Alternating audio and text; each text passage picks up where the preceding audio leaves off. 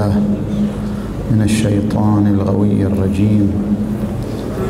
والصلاة والسلام على أشرف الأنبياء والمرسلين محمد وآله الطيبين الطاهرين.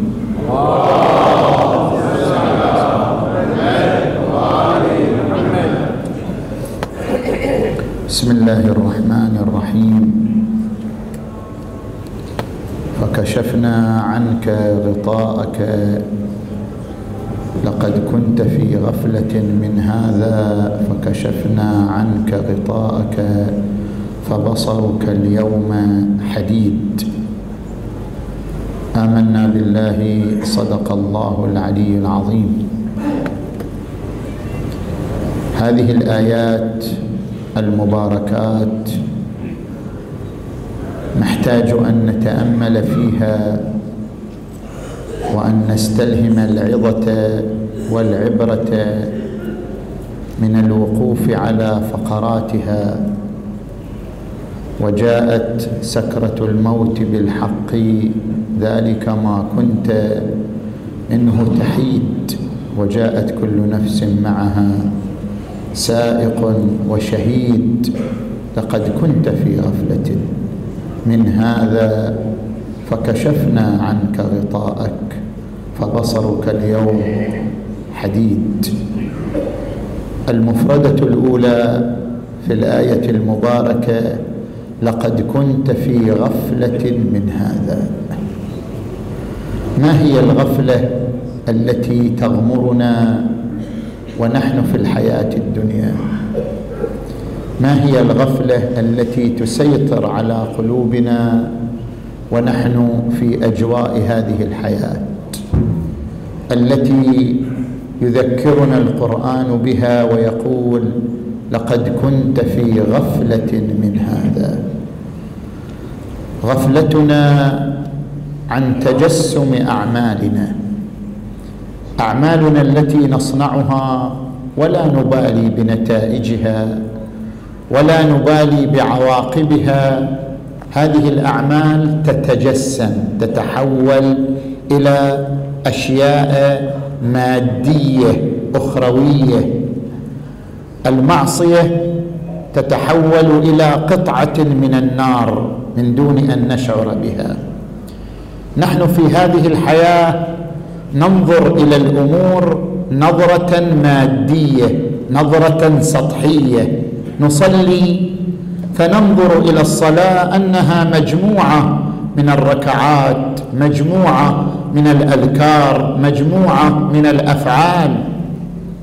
لكن هذه الصلاة في الواقع إذا تأملنا فيها هي قطعة من رضوان الله ورضوان من الله أكبر. هذه الصلاة التي ننظر إليها نظرة سطحية عندما نتأمل في عمقها وجوهرها. هذه الصلاة قطعة من الجنان قطعة من رضا الله قطعة من جوار الله تبارك وتعالى. سوف نرى هذه الصلاة يوم القيامة لا بالركوع وبالسجود بل نراها على واقعها. أنها قطعة من البهجة قطعة من الراحة قطعة من رضوان الله تتمثل أمامنا يوم القيامة. وبالعكس هذه المعصية التي نمارسها الغيبة النميمة استماع الأغنية علاقة غير مشروعة أي نوع من أنواع المعصية ننظر إليها نظرا سطحيا أنها فعل عابر فعل وقتي فعل يمر من دون أن يكون له أثر بليغ على نفوسنا على شخصياتنا. هذا ليس صحيحا. هذا تسطيح للمعصية. هذا استغفال للمعصية. هذه المعصية التي ننظر إليها نظرا سطحيا هي في الواقع قطعة من النار. قطعة من اللهب المشتعل قطعة من الحريق. لو وضعنا انملتنا على جزء من هذه المعصية لو وضعنا إصبعنا على ذرة من هذه المعصية لصرخنا ألما وحسرة نتيجة لشدة حرقتها وحرارتها. هذه الطاعة قطعة من الرضوان وهذه المعصية قطعة من النار وهذا هو تجسم الأعمال. أعمالنا تتجسم ولكن نحن غافلون عن ذلك ولكن نحن معرضون عن ذلك. لا نريد أن ننظر إلى الأمور نظرة تأملية جوهرية. نريد أن نكتفي بهذا النظر السطحي أنها هذا عمل وهذا عمل هذا عمل وقتي وهذا عمل وقتي. القرآن الكريم يقول إنما تجزون ما كنتم تعملون. أعمالكم هي جزاؤكم ليس شيئا آخر. صلاتك هي جزاؤك ليس وراء الصلاة جزاء. جزاؤك هو صلاتك لأن صلاتك هي قطعة من الجنة. قطعة من الرضوان. الرسول محمد.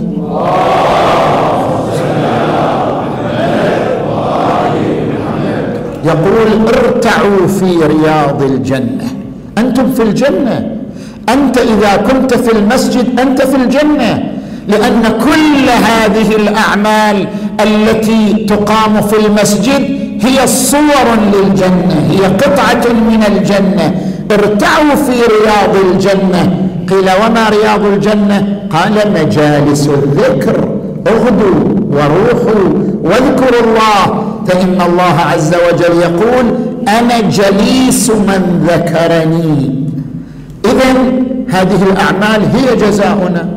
نفس الكلام في المعاصي. الغيبه النميمه الكذب حقوق الوالدين قطيعة الرحم هذه الذنوب التي نمارسها هي جزاؤنا هي عقابنا هي تتمثل وتتجسد بقطع مشتعلة لاهبة من النيران.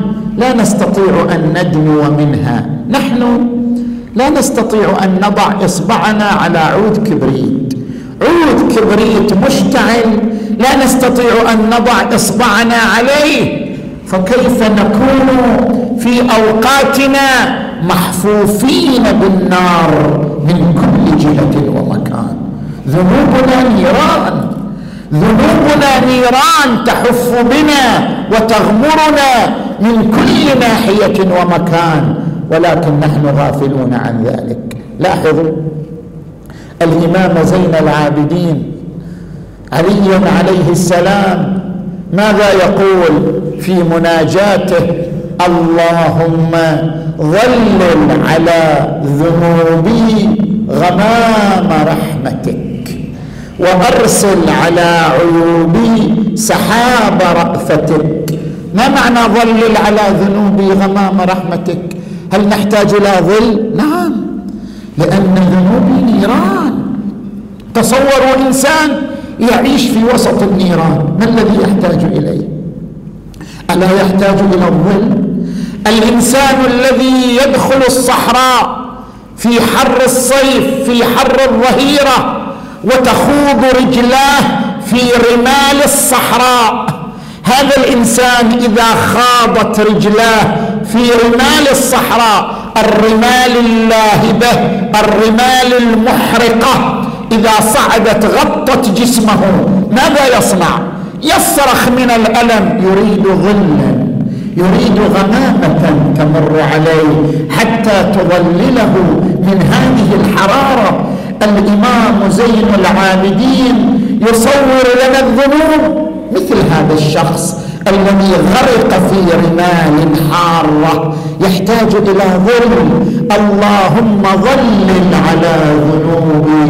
غمام رحمتك وأرسل هذه العيوب حتى تتبخر حتى تتلاشى تحتاج إلى مطر غزير. وأرسل على عيوبي سحاب رأفتك. فأنا غارق في النيران.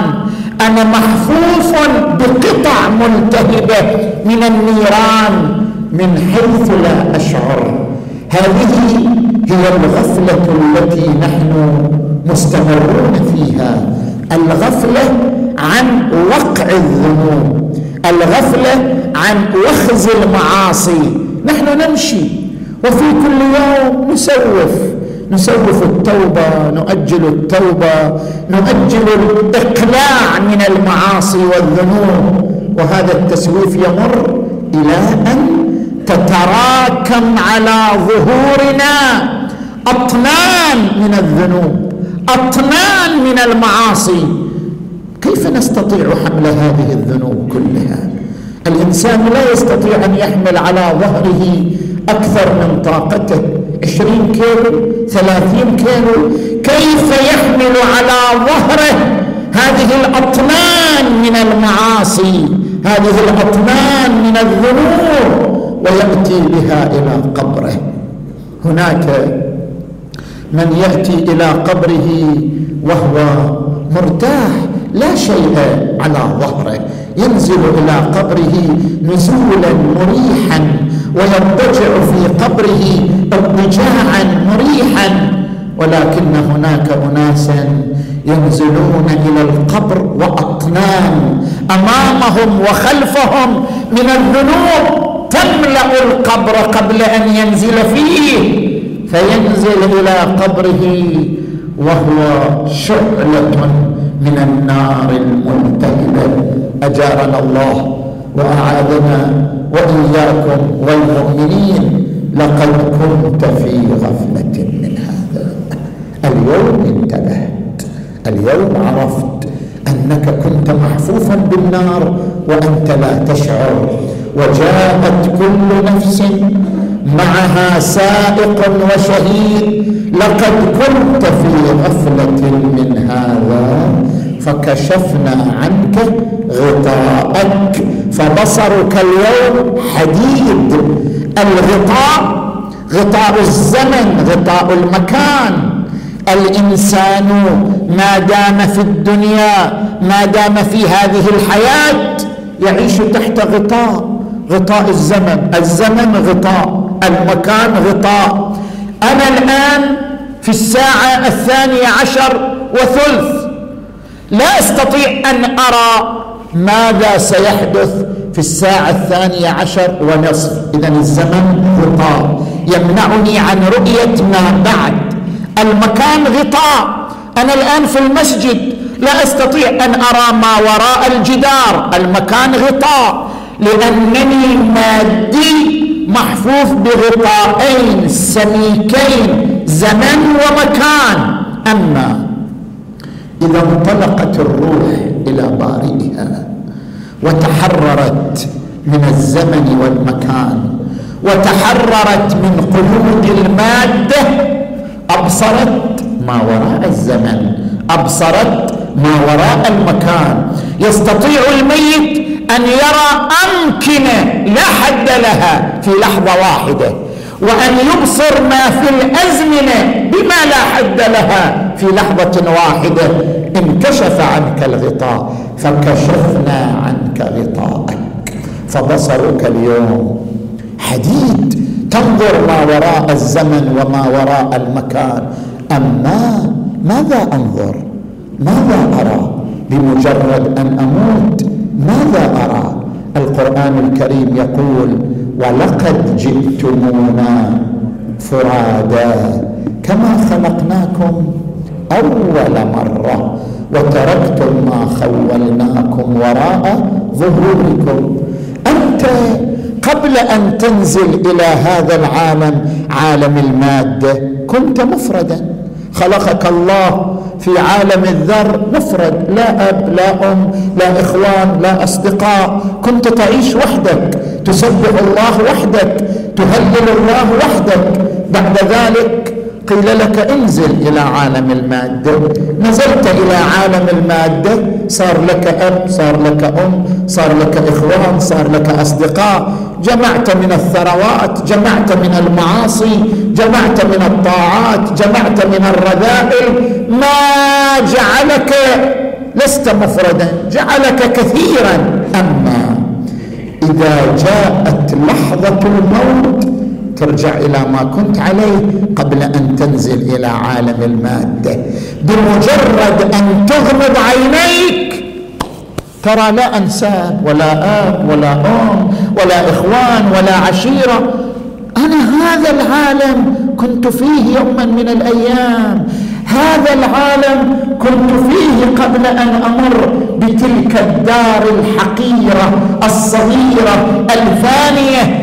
قبل أن أمر بذلك الطريق المنتن ذلك الطريق المتعفن بالذنوب والمعاصي قبل أن أمر به. كنت في هذا العالم لكن رجعت إليه الآن وأنا ملوث وأنا مكدر وأنا ملطخ بأوساخ وأنا ملطخ برذائل ولقد جئتمونا فرادا كما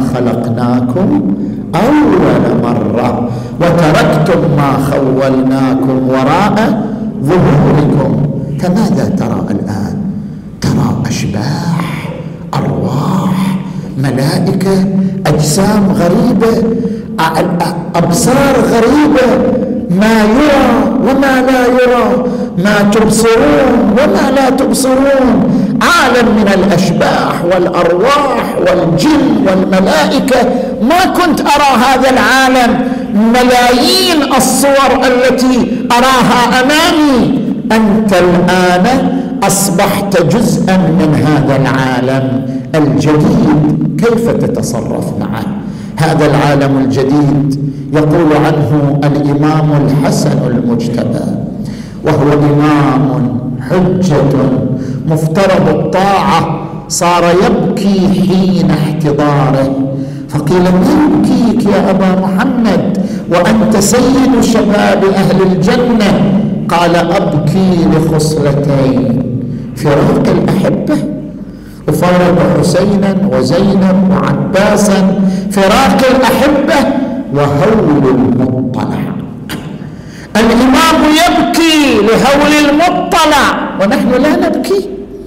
الإمام يتأثر من هول المطلع وهو إمام معصوم ونحن لا نتأثر. هول المطلع هذه اللحظة التي أنتقل من عالم مادي إلى عالم لا محدود. هذه اللحظة الحرجه العصيبه التي أنطلق فيها فأتفاجأ بعالم غريب فيه هوي وصعود. كيف لا أبكي إذا انتقلت لذلك العالم؟ أبكي لخصلتين. فراق الأحبة وهول المطلع. هذا العالم يبكي. الحسن بن علي يبكي. أمير المؤمنين.